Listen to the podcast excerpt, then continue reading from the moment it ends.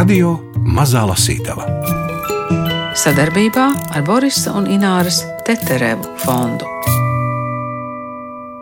Visu Tomija Kinunena romānu varoņi ir trausli cilvēki, ko viņu laiks nav sapratis. Sarunas ar tūkotāju Maimu Grīnbergu šoreiz notiek pa telefonu. Viņa ir ceļā no Helsinkiem uz savām Somijas mājām, bet mums studijā uz galda ir viņas tūkotais somu rakstnieka Tomija Kinunena romāns Stikla upe. Mūsu sarunā jūtams Somijas vējš un maimas aizrautība ar kultūras un vēstures ceļazīmēm, pat pa telefonu.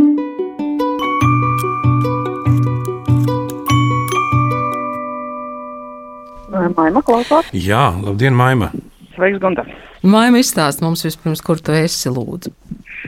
es gaidīju šo jautājumu, un es speciāli dostājos tādā vietā, kas Gunteram varētu jau sevišķi labi patikt.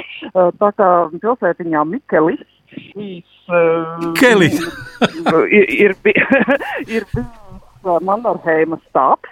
Es tas laikas atbalstījusies dzelzceļa stacijā pret Mannerheima salona vagonu burtiski nebūtu ne pārnestā nozīmē, esmu atbalstījusies šo valodu. Viņš te izliks tādā kā izstādē. Tas bija vagons, ko kabināja karu laikos klāt vilcienu sastāviem, un ar to Mannerheims pārvietojās. Bet nu, tas nu tā. Vai tu pašā klintī arī iekšā bija, kur bija Mannerheims štābs?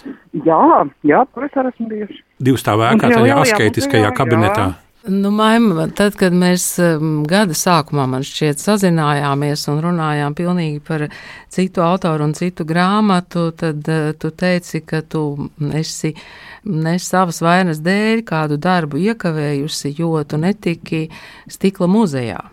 Apmēram tā. Un nu, tagad tik traki nebija. bet um, tagad es saprotu, ka jautājumi par stiklu ir atrisināti, jo stikla upe ir iznākusi. Izstāsti lūdzu, kā tā grāmata ceļoja pie tevis un tālāk uz izdevniecību, kā tas notika. Tā kā izdevniecībai ABC patika eh, pircēju interese par um, Tomiju Kinu un iepriekšējo latviski tulkoto grāmatu. Tas ir eh, četru ceļu krustojums. Tad uh, brīnišķā Uno Rīnska man jautāja, vai es negribu vēl kādu kinu un iztulkot.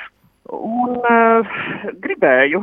Es gribēju šo, šo grāmatu par, par stiklu un par cilvēkiem kā stikliem iztulkot Un jā, nu tad tagad rezultāts ir, ir lasītāja rokās. Kinunens autors mums tā tad ir pazīstams no šīs jau tevis pieminētās grāmatas četru ceļu krustojums, jā? Un, un tagad otra grāmata, ko par viņu mums vajadzētu zināt, nu, pirms sākam lasīt. Droši vien būtu interesanti zināt to, ka Kinumens pirmajā grāmatā ir, eh, ir daudz izmantojis savas dzimtas pieredzi. Viņam bija vecmāmiņa fotogrāfe, tā darbības vieta notiek daudz maz viņas dzimtajā pusē.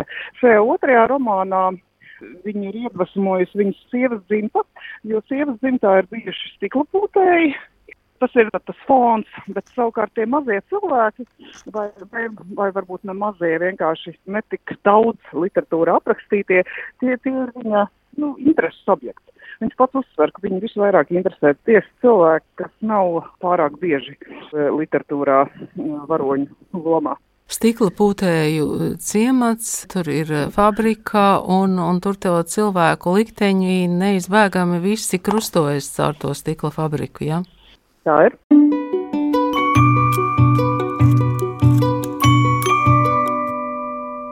Jusī garām brūzim iet uz ceha durvīm. No iekšpuses dzirdams balsis. Zagļi tie nav, jo te nav nekā ko zakt, tikai pīpes un koka veidnes. Visas gatavās glāzes un vāzes ir magazīnā aiz atslēgām, nauda kantorī, bet pūšanas māka paslēpta vīru prātos. Ciemā visi pazīst cits citu un cits citu mantību. Tāpēc būtu velti piesavināties kāda divriteni, velkamās vai stumjamās ragavas. Par piedienīgu tiek uzskatīta tikai zakšana no fabrikas, ja vien neaiznes par daudz. Tāpēc ik vienā ūķī un ķēķistabā galdā var celt skaistas stikla krūkas, kausas un šķības, toties līdzekļu, par ko iegādāties malku augstajai ziemai, nav. Šķiet, ka fabrikas īpašums ir kopīgs ne tikai attiecībā uz stiklu, un tā nu visas pārģērbšanās būdas krastmalā ir celtas no dēļiem, kas sākotnēji nākuši no kokapstrādes darbnīcas, un visas ciema laivas ar svina mīnija un cinka oksīda palīdzību ir nokrāsotas sarkanbaltas. Virsmeistaram klusi piekrītot, lai gan kantora priekšnieks laiku pa laikam brīnās par materiālu lielo noietu. Reizēm manta pazūd par daudz.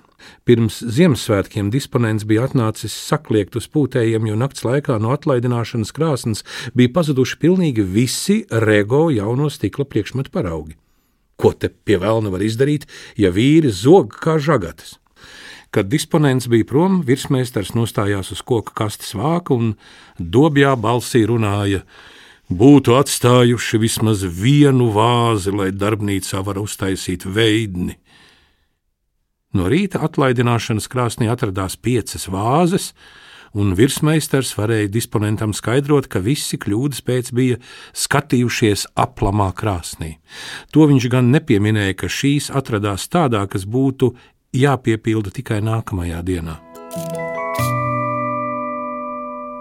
Nu, bet eh, kāpēc bija vajadzīgs tas muzejs vai tas arhīvs, un kā tu to jautājumu toreiz atrisināji? Tur ir diezgan, eh, Kinonants ir ļoti, ļoti iedziļinājies stikla pūšanas vēsturē. Jāuzsver, ka, ka mēs tātad runājam par 40. un 50. gadiem, kad ir romāna trīs notikuma tās darbības dienas.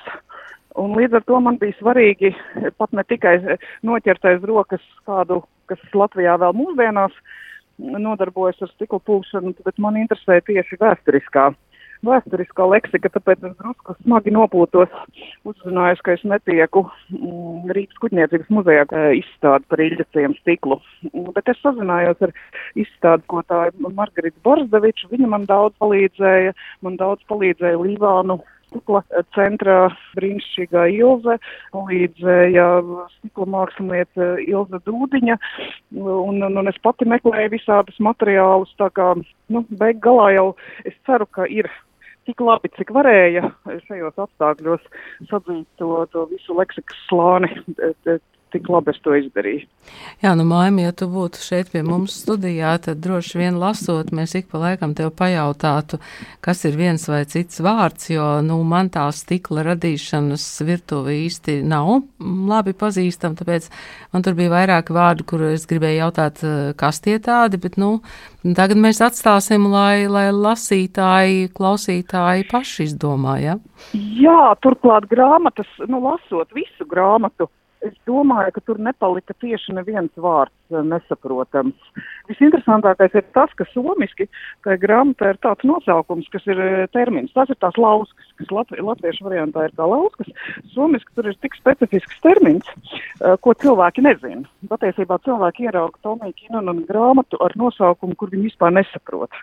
Nu, mēs tik dramatiski neizrikojāmies, jo vienkārši arī nebija atbilstoši tik ļoti svešāda, svešāda termina.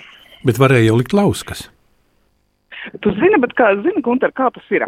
Jā, varēja likt lauskas, ir ļoti skaidrs nosaukums, bet kamēr es uzzināju, ka tas nozīmē lauskas, tas vārds, kas ir somiski pinti. Vārds jau bija nodrukāts. Bijām, Mēs, mēs jau bijām sen ar izdevniecību norunājuši, ka būs stikla upe, tā kā bija angļu variantā, restīvi paša rakstnieka un izdevniecības akceptētajā angļu variantā.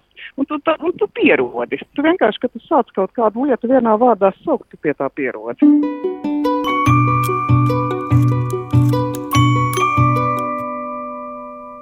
Ripa knakšķi un glāzes griežas.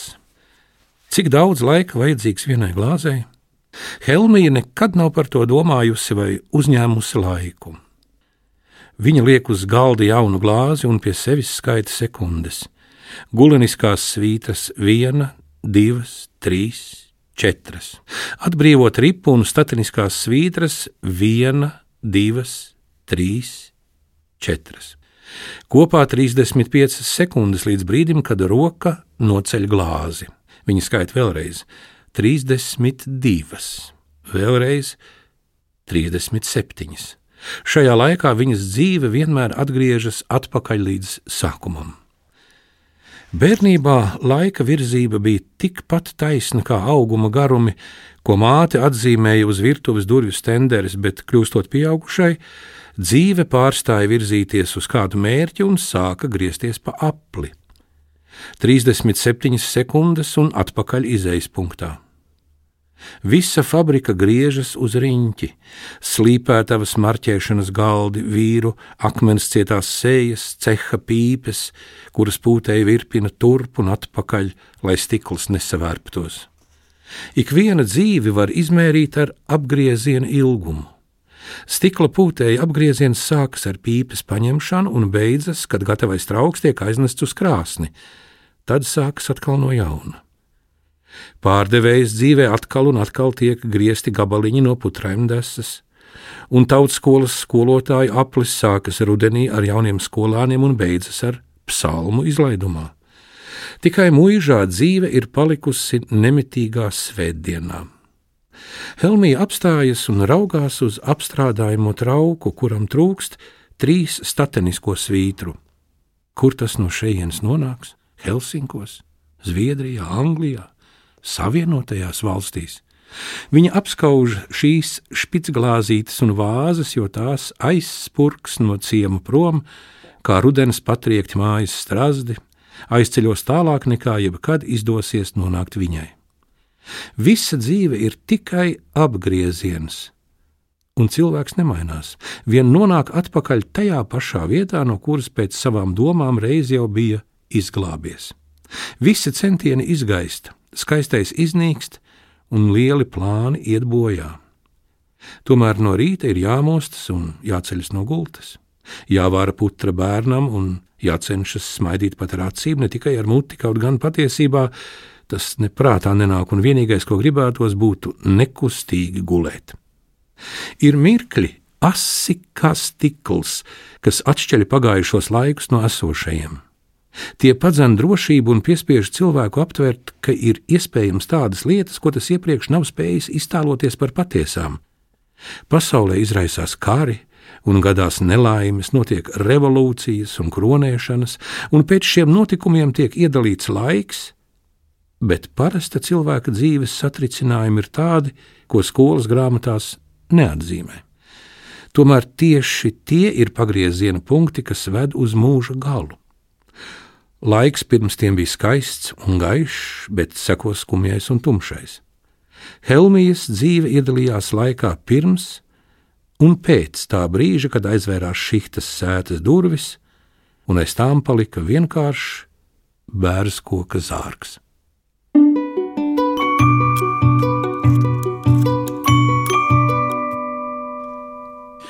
Somen kuvalehti. Kas ir Somen kuvalehti? Somēna Kuvalehti ir tāds eh, diezgan elegants žurnāls. Nu, lūk, Somēna Kuvalehti ir rakstījis par šo autoru. Visu Tomija Kinunena romānu varoņi ir trausli cilvēki, ko viņu laiks nav sapratis. Tiesa gan pēc izlasīšanas ir jādomā, vai arī mēs mūsdienās spējam saprast daudz labāk. Kinunens meistarīgi prot radīt negaidītas pavērsienus, kas reizēm atklājas tikai caur personāžu domām, stāstījuma spriedzes saglabājas līdz pašām beigām. Tātad par trausliem cilvēkiem, vai tāpēc šis stikls? Droši vien viens, viens no iemesliem ir tas, ka viņš to, to stiklu izvēlējies. Jo, ja es pareizi saprotu, tad tie stāsti, stāsti viņam jau bija galvā un dzīvoja, bet viņš nebija atradzis to fonu, uz kura tās divas māsas un brāļi, uz kura viņu, viņu to stāstu risināt. Un tad vienkārši tā stikla fabrika, ko viņam sieva ieteica, tas vienkārši nospēlēja brīnišķīgi.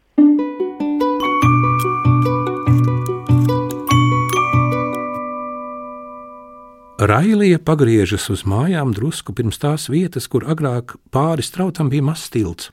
Savādi, cik strauji aproda ar ainavas pārmaiņām. Vispirms ar to, ka fabrikas vispār nav, un pēc tam ar to, ka tās vietā ir pavisam citāda.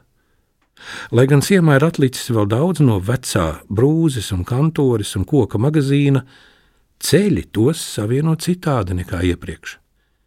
Tuvāk pirtī Railija skatās, vai pa logiem nav saredzams Jusī. Viņš vairs nestrādā fabrikā. Neviens jau laikam brāli vairs nevaino par ugunsgrēku, jo uguns izraisījās nevis no ceha krāsnīm, bet kaut kur noliktavā vai šihtas sētā, laikam no elektrības vadiem. Helmija vienā laidā bija Jusi aizstāvējusi un skaidrojusi, ka viņam pie ugunsgrēka nav nekādas daļas, bet tik un tā Līdz ar jaunā īpašnieka atnākšanu lielajam brālim cehā darba vairs neatradās. Fabrikas algu sarakstos Jusī vairs nav, tomēr pirts uzturēšanu viņam uzticēja. Atalgojums, ko brālis par to saņem, ir niecīgs, taču viņš cenšas piepelnīties pērkot veikalā pilsneru un desu un pārdodot to spirtī gājējiem ar smieklīgu mazu uzcenojumu. Neiedzīgi daudzi pērk, taču maksāt nevēlas, un Jusī ir pietiekami lētticīgs, lai dotu uz parādu. Railija pāris reižu ir gājusi iekasēt parādu Jusī vietā. Pats tas vairs īsti negrib doties līdzi, bet vienmēr žēlojas par sliktu pašsajūtu. Neviens nav redzams, un dūmi no pirts skursteņa vēl neceļas. Vai Jusī joprojām gulētu? Mājās viņš vairs nenakšņo, bet uzklāja sev guļvietu pirts priekšnamā vai augstā laikā, it kā pat uz pirts lāvas. Helmija iesākus viņam šad un tad aiznest kādas mantas, ēdienu vai tīras drānas. Jusī vienlaikus pieder viņu saimniecībai un nepieder. Nedzīvo tajā pašā mājā, tomēr viņa drēbes tiek mazgātas un vēders piepildīts. Atgriezusies no pirts, Helmija mājās vienmēr nopeļ Jusī dzīvošanu. Tur ir netīrs, smirda pēc midzeņa. Elma vairs nespējot pat aiziet nomazgāties, kopš dzirdējusi, kāda pēc viņas kļuvusi pirts. Tomēr drīz māsa atmaikst, izmazgā atnestās jūsī bikses un kreklu, izņem no skapja veselas zeķes, kas piederējušas Rego. Nav jau tā viņa vaina. Viņš dara, cik labi spēj. Reizēm viņas abas prāto par brāli. Tāds nu viņš vienkārši ir. Vismaz šķiet apmierināts. Abas viņas domā par Jusī, abām šķiet, ka viņš ir tāds, kurš pret pasauli stāv rimti. Šad tad viņas slepus paņem līdzi slotas un spaiņus un kopā dodas uz pirti. Helmija un Sāra aizvilina Jusī uz malkas skaldīšanu vai pastaigā pa mežu, un kamēr brālis ir prom, Railija iznes ārā vēdināties ģērbtuves lupat paklājus, atnes no pirts grāpja ūdeni un berž grīdas. Viņa cenšas būt ātra, lai Jusī nepamanītu un nesāktu domāt, ka pats netiek galā. Helmija pamazām saņemas. Pēc Railijas daudzkārtējiem atgādinājumiem ir jau aizvedusi prom Rego drēbes. Jusī atdāvinājusi viss netika, un viņam jau nemaz nebūtu derējušas, bet izdalīja slīpētavā un tās, kas neaizgāja, sadedzināja mucāju šķūņu. Tomēr saglabāja vīra neglīti zilās vilnas zeķes. Pati viņa tās vairs nenēsā, bet tur nu tās drēbes kā pie plauktā atrodas, kā gaidīdamas, lai tajās kaut kas attaug. Kā no sēklas uzdīgs jauns koks. Agrāk bija dienas, kad izskatījās, ka māsa nespēja pat nofokusēt skatienu. Tad viņa skatījās, taču neredzēja un dzirdēja, bet neklausījās. Sāra arvien biežāk pavadīja naktis virtuvē pie Railijas un Jusī, bet, kad bija gatava jaunā puse, Helmija attapās un negribēja laist Sāru gulēt tik tālu. Railijai vēl labu laiku bija ieradums iet naktī zem kambara loga pārbaudīt, vai dzirdams Helmijas gaudas. Skatoties no malas, grūtsirdība nekādas pūles neprasa. Railija dažkārt kaitina, ka Helmija strādā, ne ar vienu nerunājot un mājās tikai guļ gultā. Protams, māsa izmazgā veļu un uzvāra kartupeļus, bet tas arī viss. Nebūšanas dzīvē ir arī citiem, Jusī un Railijai, bet viņi neiebūvē šajā domā kūniņu kā mušas kāpuri. Helmija cenšas tikt dzīvē cauri pārāk viegli. Daudz lielākas pūles prasa kaut ko darīt, nevis nedarīt. Ir vieglāk palikt nekā aiziet, vienkāršāk klusēt nekā runāt. Railija pati drīzāk grib iet virsū nekā garām. Ir spiesta lieta kustēties, jo tos, kas apstājušies, neviens nepūlēsies nest tālāk, un kritušos neviens necels augšā. Viņa nesaprot, kāpēc Helmija ir apstājusies un vārās par pagātni, jo tas neko labu nevienam nedod. Tad cilvēks tikai lieki domā un atceras notikumus, kam jau vajadzētu būt aizmirstiem.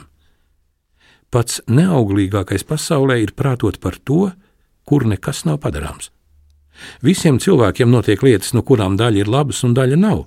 Ir velti prātot, kādi iemesli pie tām noveda, jo to neviens nec iepriekš zina, nec arī pēc tam var mainīt.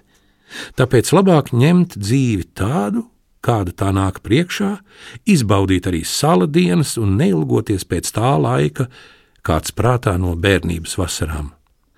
Nekā vairāk no dzīves dabūt nevar.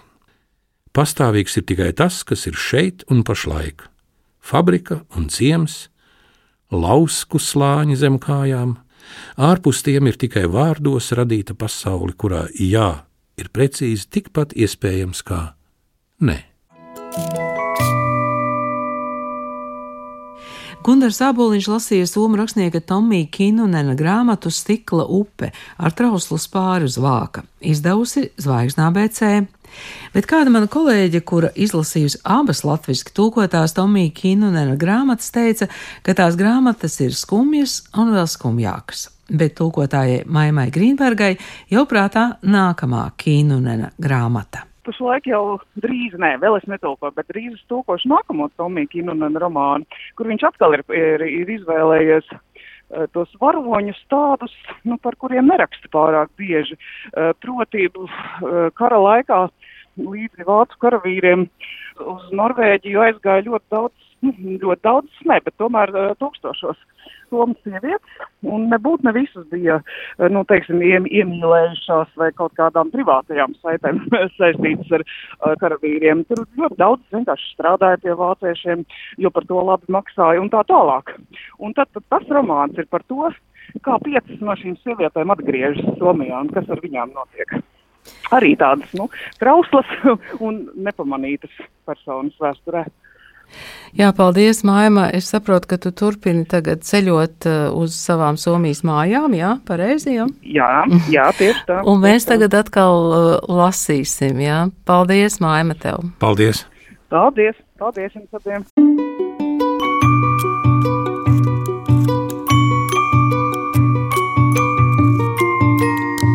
Radio Mazā Lasītava.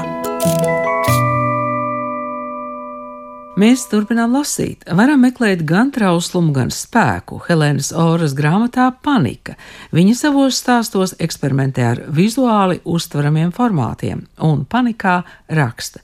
Mēs ar viņu runājam par to, ko dzeltenā prese jums nestāsta. Ja man jāatbild īsi, tad varu teikt tā, ka es rakstu gan sajūtas, gan esejas, gan dzēju ļoti sen, kopš pati sevi atceros. Ja ir jautājums tieši par šo rakstu darbu grāmatu, tad jā, varētu to pat saukt par apziņas plūsmas tādu gara darbu, kas ir radies diezgan īsā laika posmā, bet daļas no šī darba ir jau bijušas sarakstītas stipri, stipri iepriekš. Tas nav tā, ka es esmu apsēdusies un rakstījusi grāmatu. Uh, Tā, tā lielākā daļa ir uh, viena mirkļa milzu plūdumu, bet daļas no grāmatas un pat tādas atslēgas daļas ir tapušas uh, 5, 10 un pat vairāk gadus iepriekš. Jā. Un zīmējumi? Zīmējumi ir svaigi, uh, zīmējumi ir uh, arī. Neilgā laikā tapuši pašai lasot un skatoties jau rediģēt grāmatas tekstu zem nodaļām. Tā kā ilustrācijas ir tapušas speciāli grāmatai. Tas nav nekas iekrāts, tas ir absolūti, absolūti svaigs. Mūsu sarunas ar Helēnu Oru par paniku un ne tikai klausieties jau nākamajā radio mazajā lasītavā. Lasītavu veido Nora Mitspapa, Agita Bērziņa un Ingvilda Strautmane.